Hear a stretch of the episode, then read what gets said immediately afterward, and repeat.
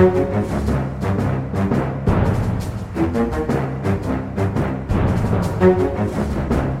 da er vi i gang med denne ukens Aftenpodden. Vi er på plass i vårt veldig smittevennlige studio. Nei, ikke smittevennlig. Nei. Smitteuvennlig. Smittevennlig, smittevernsvennlig. Sara Sørheim. Ja, hallo. Takk for at eh, nyhetsredaktør i NTB er på plass og kan eh, bidra med presisjon. ja. Ordspagetti er jo det vi driver med i koronatiltakssammenheng, så det er greit, Lars. Ja, men det er fint. det er fint. Eh, Trine Eilertsen, er du frisk og rask, i morges? Ja da, absolutt.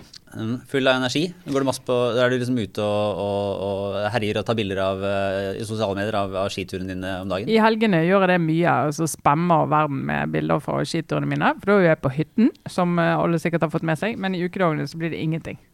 Da har jeg sånn 80 skritt i døgnet. Det er vel en, men en akseptabel balanse? Er vi enige om det? At det er lov i helgene og ikke lov i uka? Eller er det noen fritt fram på sosiale medier-bidrag fra, fra skiløypene? Da må det være tydelig at du har permisjon, tror jeg.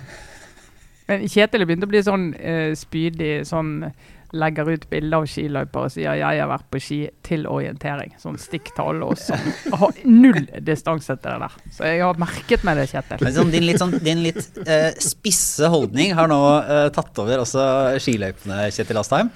Jeg Eh, kan men- jo høyne med at jeg gikk ski her om dag, en dag og glemte å legge det ut på Strava.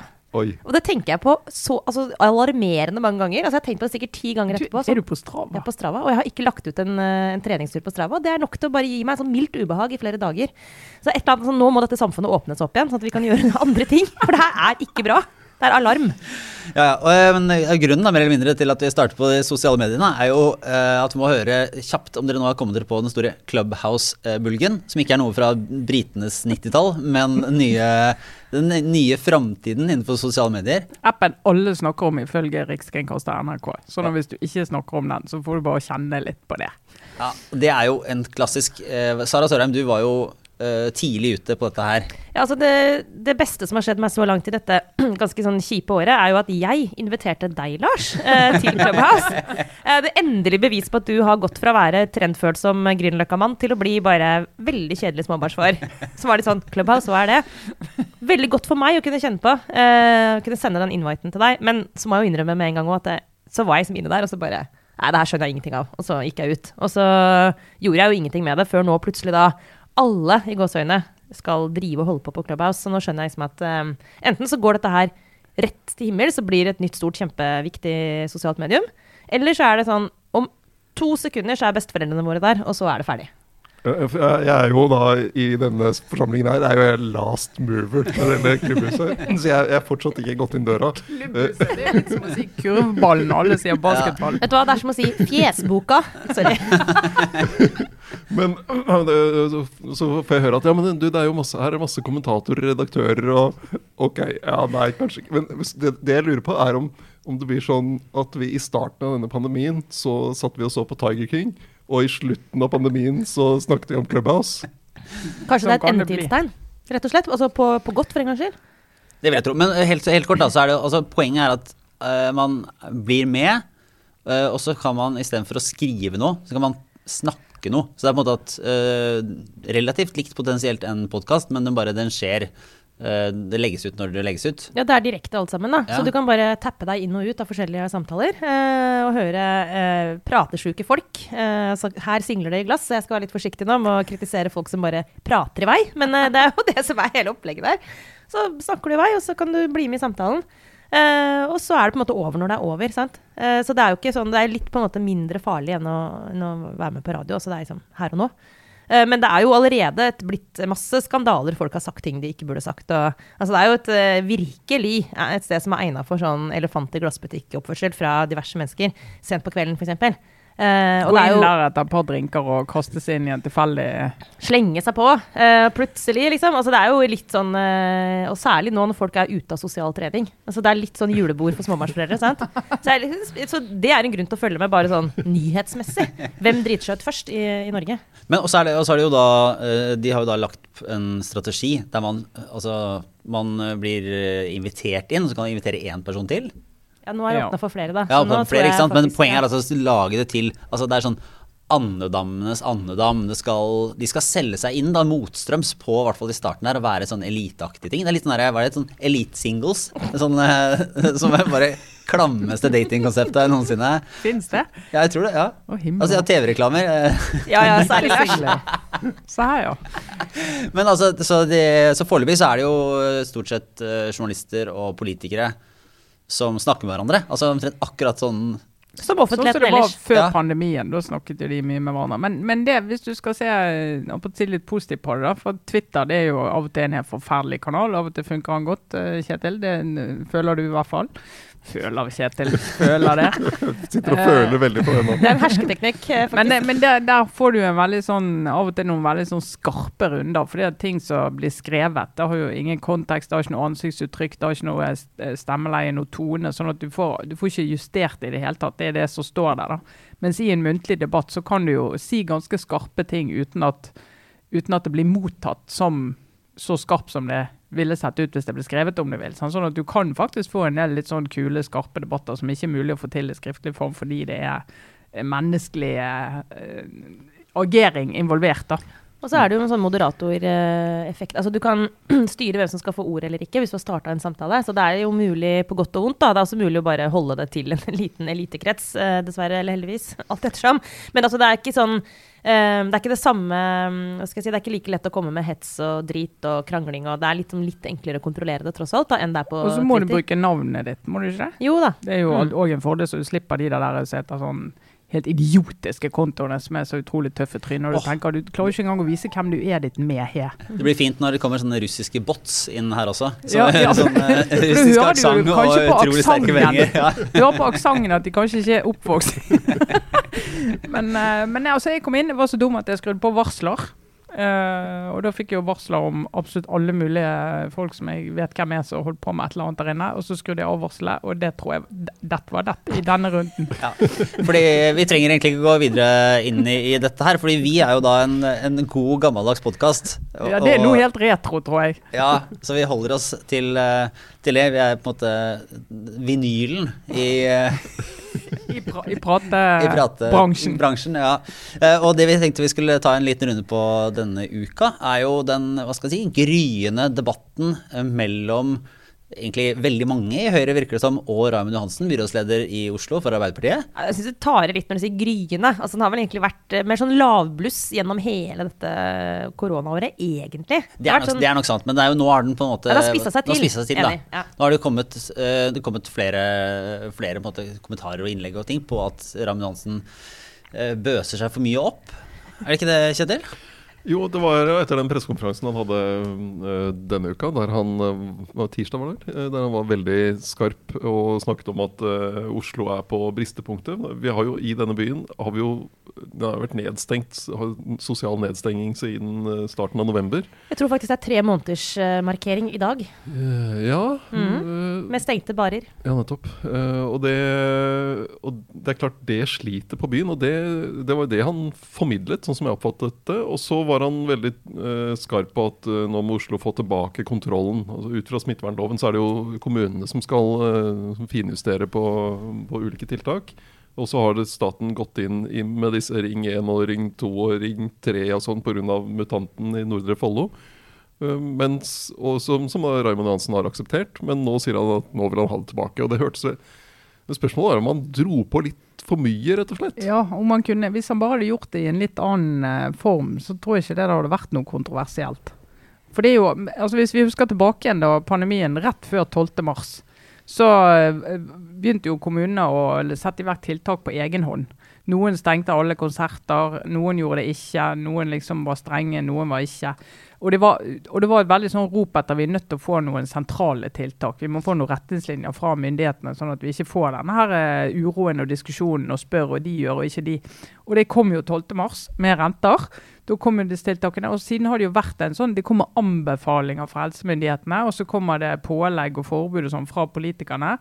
Eh, og så har kommunene funnet sin plass inni dette og tatt ok, de anbefalingene er relevante for oss.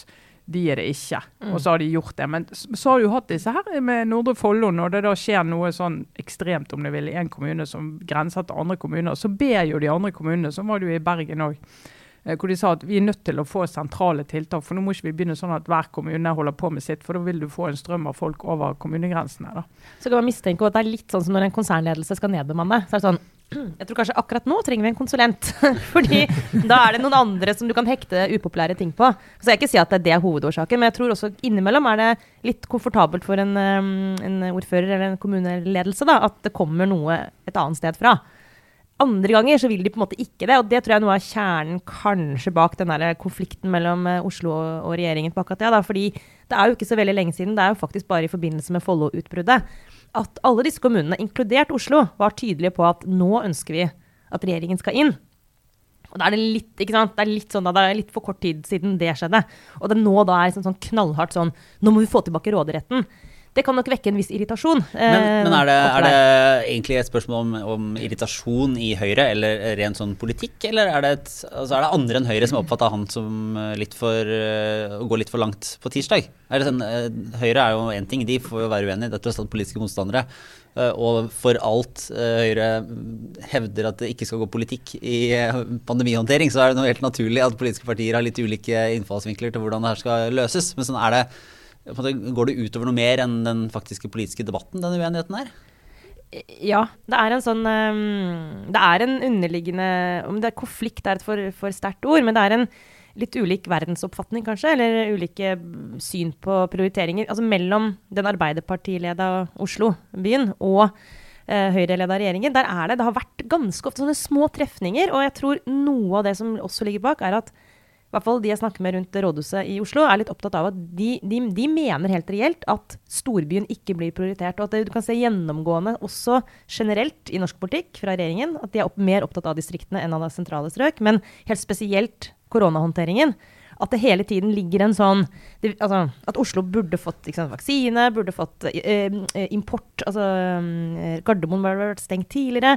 Det, det er en sånn jeg hører i hvert fall sånn, det kommer stadig vekk eh, frem eh, Er- en oppfatning av at Oslo ikke prioriteres. Er det distriktsminister Linda Hofstad Hellelands klamme hånd over regjeringen som eh, dytter dette i feil retning? Hennes tunge innflytelse Ja. på regjeringens prioriteringer. ja.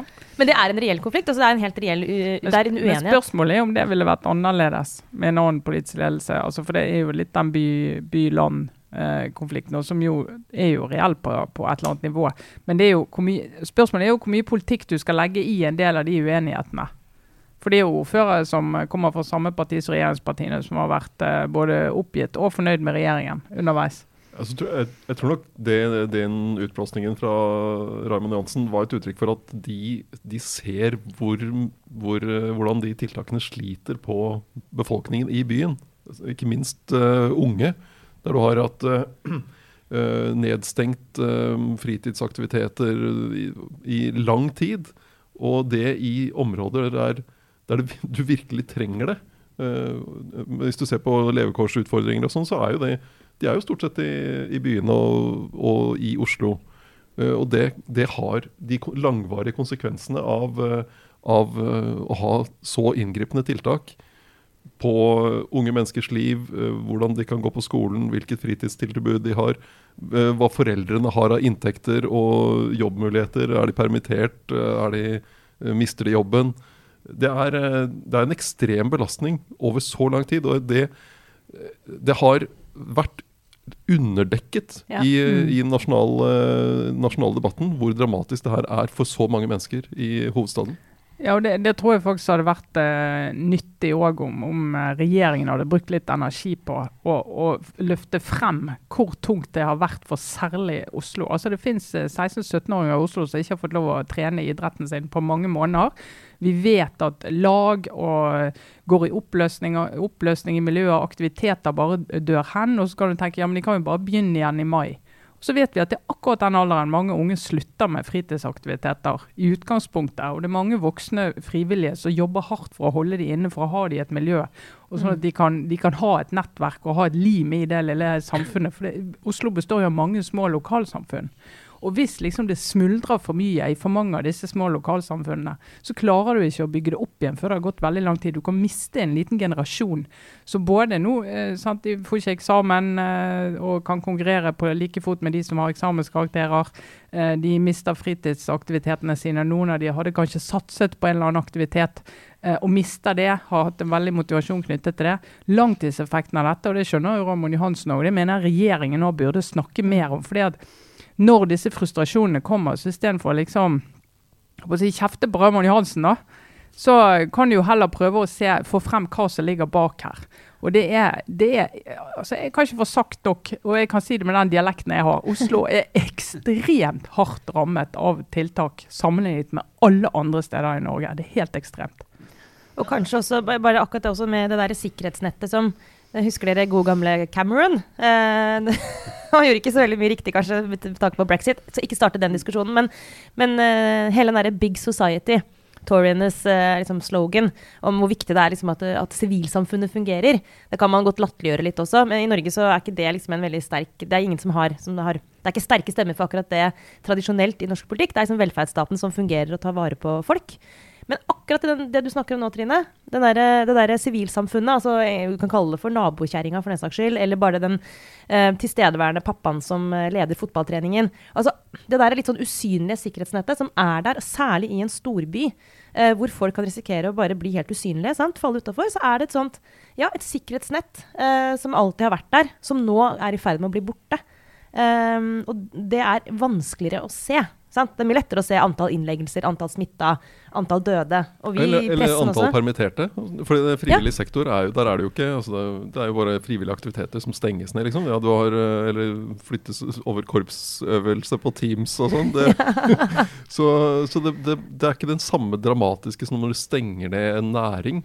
Men, men for samfunnet, de konsekvensene, de de, er, eh, de, kan bli store, altså. Mm. Hvis en skal se litt uh, politisk uh, kynisk på, på, dette her, så, så høres det noe ut på, liksom, på debatten som at Raymond Johansen har klart å uh, Enten så fordi han er mer bekymra for dette, eller klarer å sette ord på det på en annen måte, eller klarer i hvert fall å framstå som en liksom, tydeligere forsvarer av disse gruppene som nå stiller svakt i Oslo. om det, altså, styrker det ham? Styrker Arbeiderpartiet? Er det, er det en jeg skulle gjerne sett en måling nå på liksom, hans standing i, i, Oslo. Da. Det er jo det han er opptatt av, vil jeg tro. Logisk nok. Men uh, jeg er litt vanskelig å si. Jeg, jeg blir jo, det må jeg, kan jeg bare innrømme, selvfølgelig, litt sånn der rørt og glad når liksom, um, byrådslederen kjemper for, liksom, for byen vår. Og, og, nå, som du sier, Trine, så mener jeg at han helt reelt også har, har veldig gode poenger. Men så er det noe med den der litt sånn bøse tonen. Da, så jeg er liksom ikke helt sikker på om det liksom treffer helt riktig. Det blir bare synsing. Da. Det er jo helt sånn Jeg vet ikke, men det kanskje oppfattes som litt vel uh, hard i klypa òg. Uh, alle skjønner jo at den pandemien er liksom ikke ingens feil. Så jeg er litt sånn usikker på sånn, Vi skal tenke mer sånn der, helt sånn kommunikasjonsstrategisk. da, Om det lønner seg å være litt sånn såpass liksom sinnamann. Men så er han jo ikke veldig sånn konkret i kritikken sin. Altså, det er ikke sånn han sier at Høie burde gjort det, men gjorde det. Altså, han er jo ikke, Bortsett fra det med vaksinefordelingen, der er han jo veldig tydelig. Uh, men, men, det er jo det, det, du kan kanskje etter hvert se, er at du får en diskusjon om altså Han vil knyttes veldig til de svake gruppene, så dette virkelig går utover på lang sikt. Uh, fordi at de er mange av de i hans by. Mens regjeringen vil ha hengende ved seg dette her, alle unntakene og alt de har lagt til rette for at uh, arbeidsliv og næringsliv skal kunne Eh, gå så, så, langt som råd som normalt. og Det finnes jo veldig gode grunner til det også. Men der har du jo en klassisk motsetning i, i hvem du snakker på vegne av, i hvert fall. da, kan så, du få. Og for en gangs skyld en motsetning som passer inn i den gode, gamle høyre-venstre-aksen. Mm. Som er sånn høyre for næringsliv og venstre for uh, liksom, uh, småfolk. Det er bare sånn en deilig sånn blast from the past-aktig sånn enkel politisk debatt. Ja. Men da kan vi jo gå videre til noen som fortsatt og vedvarende er i skvis da, av den debatten her. fordi vi, vi Kanskje et, et av pandemiens største ofre. Ja, som eh, når det politiske regnskapet skal, skal, gjøres opp, så vil man se at pilene til Fremskrittspartiet har gått nedover. Vi var jo innom det her eh, nylig også, men vi må bare prate litt om en, et utspill som kom eh, denne uka fra, fra nestleder eh, Sylvi Listhaug, som sa at nå jeg sliter litt med å skjønne helt hva som ligger i dette her. Da. Så, så her er en klassisk sånn voksenopplæringsøvelse der vi kan, kan, prøve å få eh, sydd sammen dette her så det gir mening. Men nå vil ikke Fremskrittspartiet lenger altså, forhandle med eh, regjeringen, liksom, og vil heller ikke forhandle med opposisjonen? Ja, nå skal vi si hva vi mener. Altså Fordelen med det er at det blir jo færre kveldsmøter. Ja, ja. Kan Gå hjem klokken fire og si mulig dere skal forhandle, vi skal på ski i marka. Fordi nå vil de eh, altså, Hvis jeg har forstått deg riktig, her må, må korrigere pappapermen eh, som, som det trengs. Men eh, Fremskrittspartiet vil da legge fram sine egne forslag i Stortinget, måte siden la oss si sånn, primærpolitikk. Eh, og så vil de ikke snakke med noen om Altså, de vil ikke forhandle på det. Det, er- det er litt eh, jeg tror, Det gjenstår å se hva dette egentlig betyr, tror jeg vi kan si. Men eh, Det er vel litt av utfordringen med Frp for tiden. Ja, og, og det, det er klart de har jo I starten av pandemien så gikk de jo da inn i denne og allierte seg med de andre, med resten av opposisjonen. og De fantastiske fire og opplegget der. Ja, ikke sant?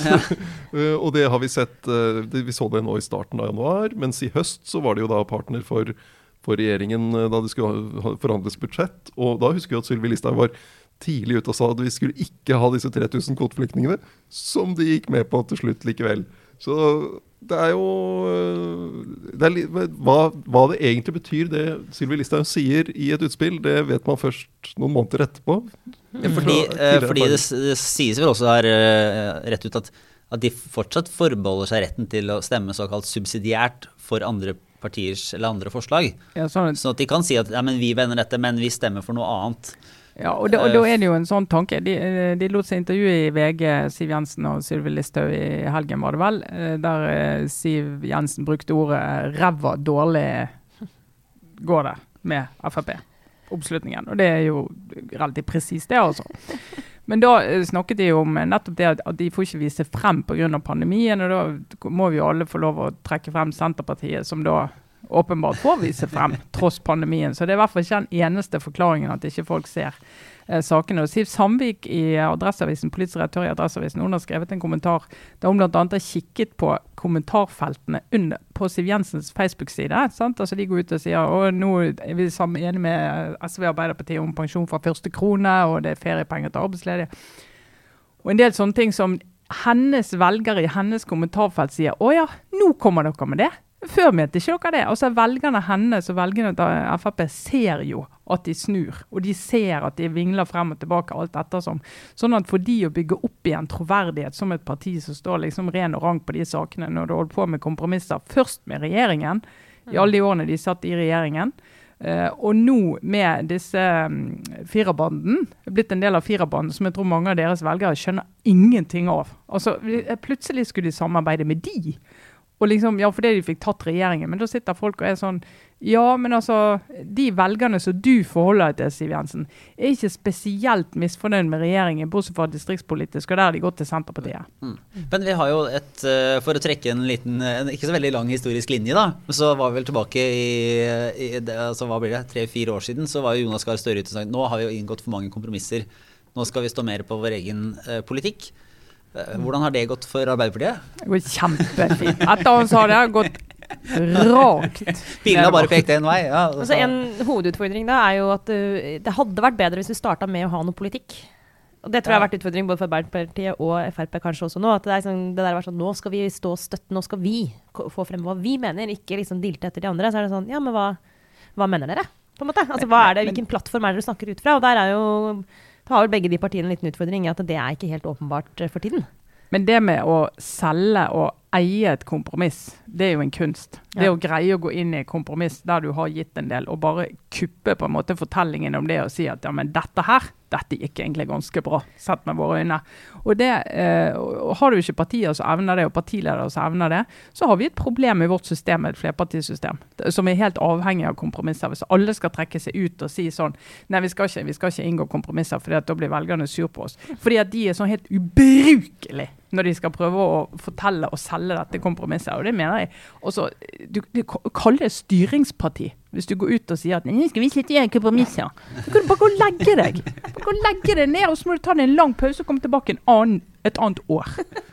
Eh, det, er, det er jo altså Når du går til valg og lover, eh, sier til velgerne at vi har dette programmet, dette skal vi jobbe for, og så skal du da, etter at du har fått tillit og fått noen representanter på Stortinget, og så skal du si ja, men vi skal ikke bruke dette for å påvirke politikken mest mulig. Vi skal eh, i stedet markere våre primærstandpunkter, sånn at vi kan gjøre et bedre valg, enda bedre valg eller like godt valg neste gang.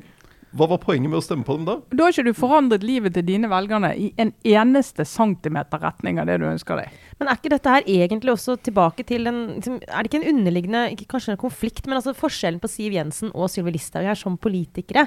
Altså, Sylvi Listhaug har jo egentlig sånn med jevne mellomrom tatt til orde for, i hvert fall fått inntrykk av at hun egentlig er mest interessert i å bygge sin base utafor eh, et regjeringssamarbeid. Uh, og tilbake til den tiden da Espen Teigen var hennes rådgiver, og var veldig, hun var veldig aktiv på Facebook, og før hun gikk, ble litt for aktiv og gikk på en smell. Men, men en sånn av at hun egentlig altså, hun er ikke noen kompromissbygger, har aldri vært det, har ikke interessert i å være det. Mens opplevelsen er at Siv Jensen har et helt annet prosjekt, uh, og har søkt makt og gjennom kompromisser og gjennom samarbeid.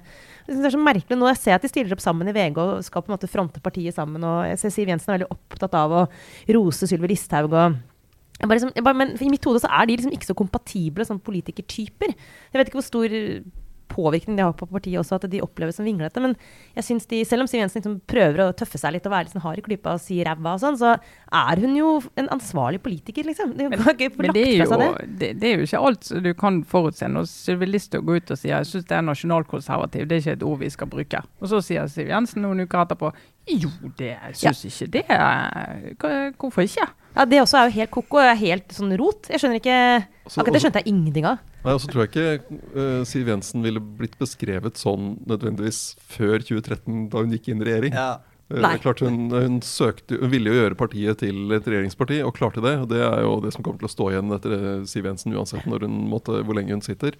Men hun har jo vært en rå opposisjonspolitiker før, så hun prøver, ja. jobber seg vel litt tilbake i den jo, men Hvis du har vært gjennom liksom, innvielsesritualene i Finansdepartementet og fått buksevann og alt det der Det tar lang tid å riste og bli, legge det bak seg. Altså. Ja, det er liksom et før og et etter, vil jeg tro.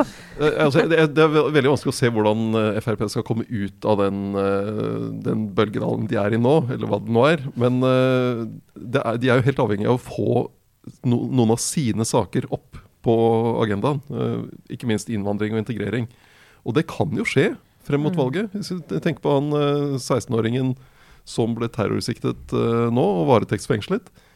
Hvis, det hadde blitt, hvis han hadde fått til noe og klart noe, ville jo fått en helt annen debatt om uh, hvordan er den sikkerheten knyttet til familiegjenforening, hvem er det vi tar imot her i landet, så, mm. der, der, Frp hadde et, et, helt annet spillerom enn de har i diskusjonen om koronatiltak. Hvis nå kan heller en justisminister fra, fra regjeringen si at uh, vi har så god kontroll at de får ikke gjort noe. Sant? Nei, nei.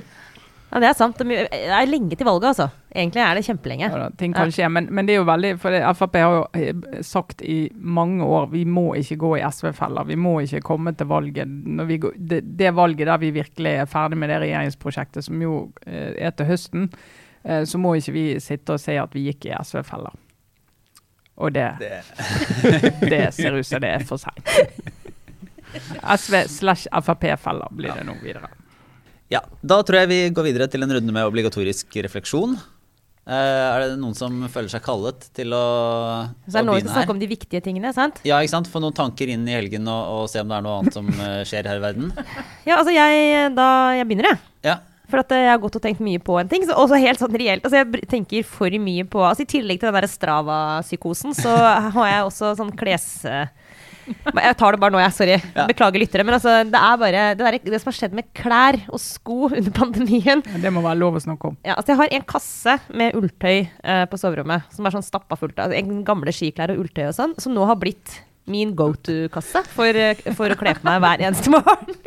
det, det er ganske gulvkaldt på disse hjemmekontorene. Det er så kaldt i disse leilighetene. Altså, så Dobbelt lag ullsokker, stillongs og sånn. Altså, den er liksom min sånn Det er det som kler på meg. Jeg går bort til den kassa der og finner. Og så har jeg jo sånne skap og de vanlige tingene hvor det henger dressjakker og sånt. Og så bare de, altså Jeg husker ikke lenger hva altså, Har jeg sånne cocktailkjoler, f.eks.? Jeg har jo det. Jeg pleide å gå i kjole. Husker du det, Trine? Ja. Hvordan staver du cocktail? Er det Aner ikke. Er det?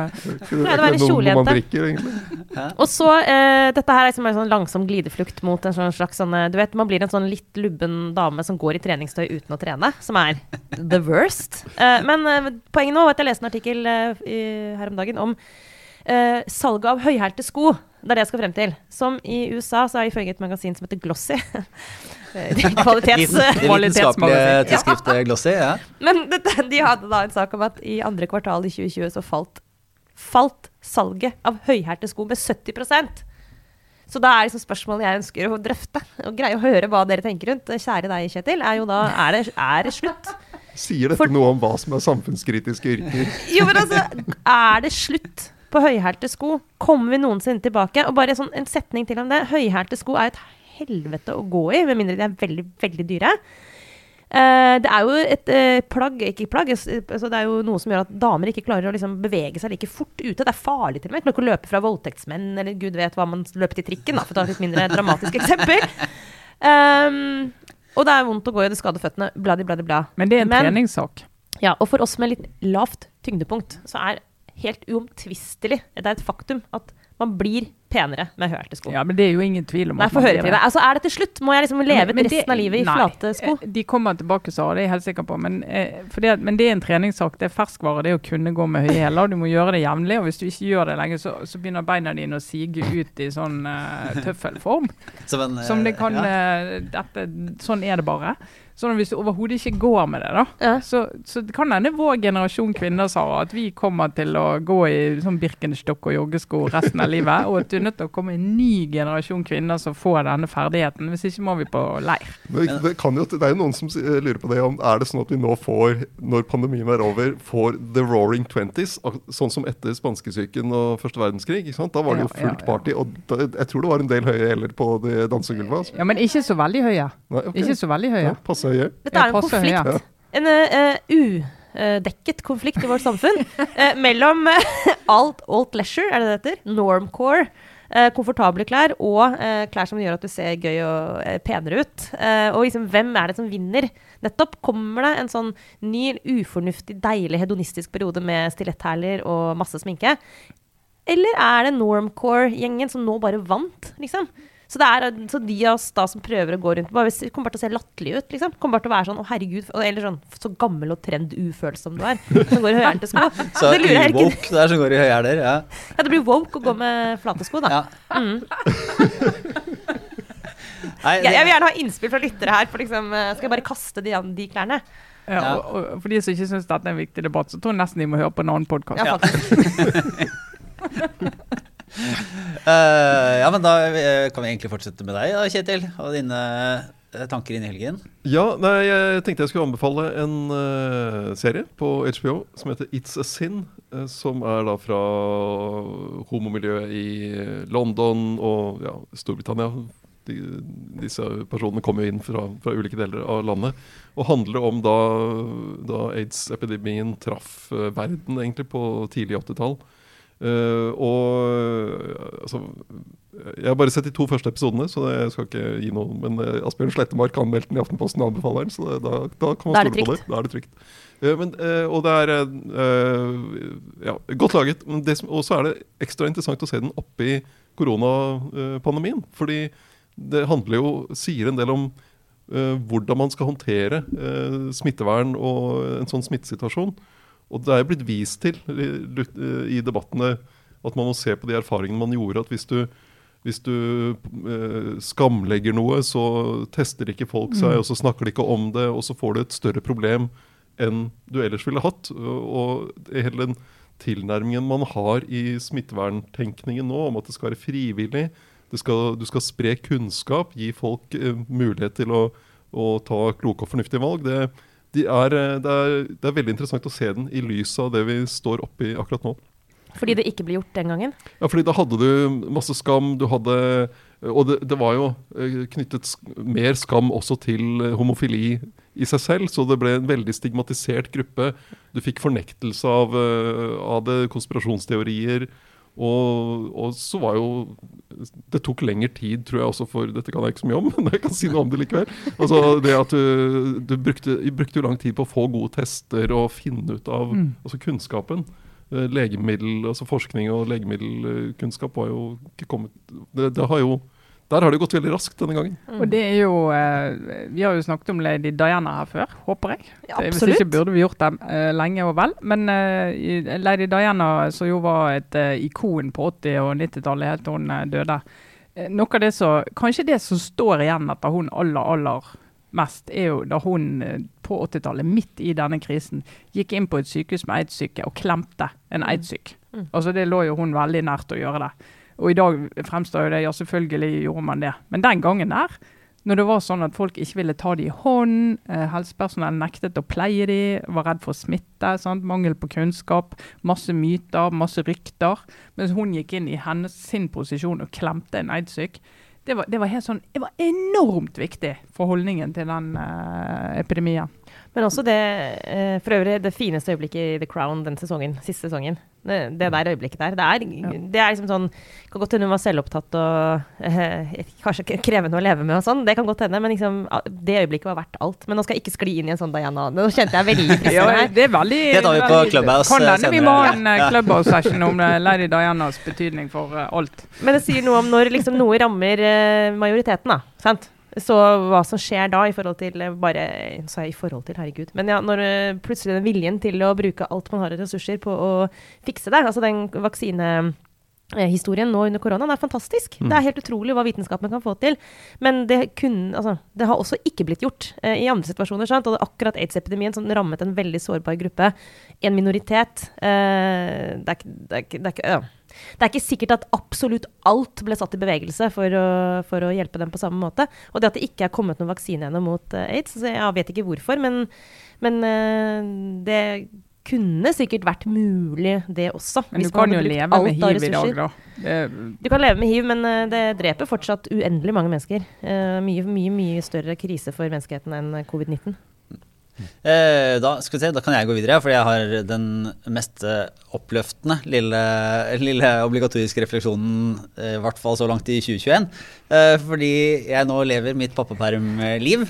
Så, som, som du har påpekt, Sara, veldig veldig annerledes enn for et år siden. Så denne anbefalingen hadde ikke kommet da. Men den kommer nå. Det er at, at denne altså besøksgården EKT på Ekeberg, som er borti nabolaget mitt, har nå fått geitekillinger. Newsflash. Newsflash. Ja. Altså alarm, alarm. De er så søte.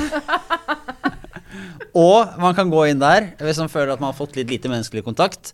Uh, og kan du holde dem? og man, ja, altså jeg vet ikke om man, egentlig man kan holde dem, men de kommer helt bort. De er så nysgjerrige. Så de kommer bort og gnager på deg og er, eh, er veldig trivelige. Så i sånn en eh, kald dag med litt sol, så kan man sitte i solveggen og, og hilse på geitkillinger og kjenne at, at verden kanskje ikke er så mørk og full av sykdommer som det man eh, er vant til ellers. Dette er, eh, det er fort vekk den viktigste nyhetssaken i Oslo etter den beveren i Frognerparken.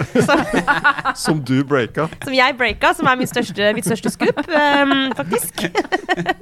Eh, Men uh, dyre, altså sånn dyrekontakt, særlig nå, det er helt genuint. Det høres ut som jeg tuller. Jeg tuller ikke. Det er så utrolig fint og viktig å få den derre ko kosefølelsen. Det, er så lite av det for tiden. Så, men nå er, må jo de sannsynligvis sette opp et eller annet sånn eh, nå kommer det horder, Lars, til å velte opp. Nå, nå, ja, nå blir det altså Vi har jo snakket om at regjeringen må snakke mer om Oslo. Nå kommer det distriktsminister Linda Hofstad Helleland til å sende geiter inn innenfor Ring 3 for å hjelpe befolkningen.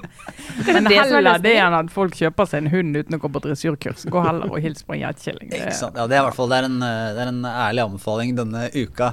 Ja, men Åssen er det med deg, Eilertsen? Nei, altså jeg eh, har jo sett eh, litt for mye på TV i vinter, som mange har gjort, så nå har jeg begynt med lydbøker. Og da eh, fant jeg ut at eh, jeg må ha et eller annet eh, som varer litt. For jeg savner en skikkelig god podkast med et eller annet. Så da eh, har jeg gitt meg i kast med altså A Promised Land, Barack Obamas eh, første bok. Eh, så nå, den varer i 29 timer og 10 minutter. så nå går jeg rundt i ledige øyeblikk. Og det, det er forfatteren sjøl som leser.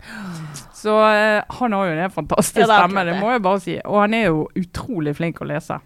Så å høre Barack Obama fortelle også om sitt liv og politiske liv og det, det Dette er jo bok én, så jeg kommer jo en til. Så jeg kommer jo til å bruke det til sammen 14 dager av livet mitt på å høre Barack Obama rett inn i øret. Så kan vi lure litt på hva det gjør med deg som menneske. Men det er også så oppløftende.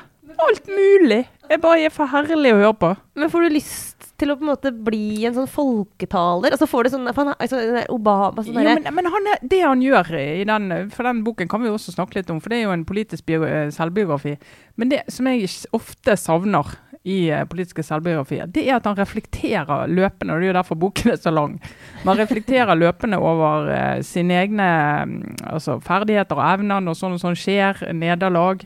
Eh, hvorfor skjedde det? Og her kunne jeg jo sagt at eh, dette lærte mye av, og nå så gikk det mye bedre, men, men jeg gjorde en stor feil. Altså, han, han er mye mer sånn åpen om sine svakheter og styrker.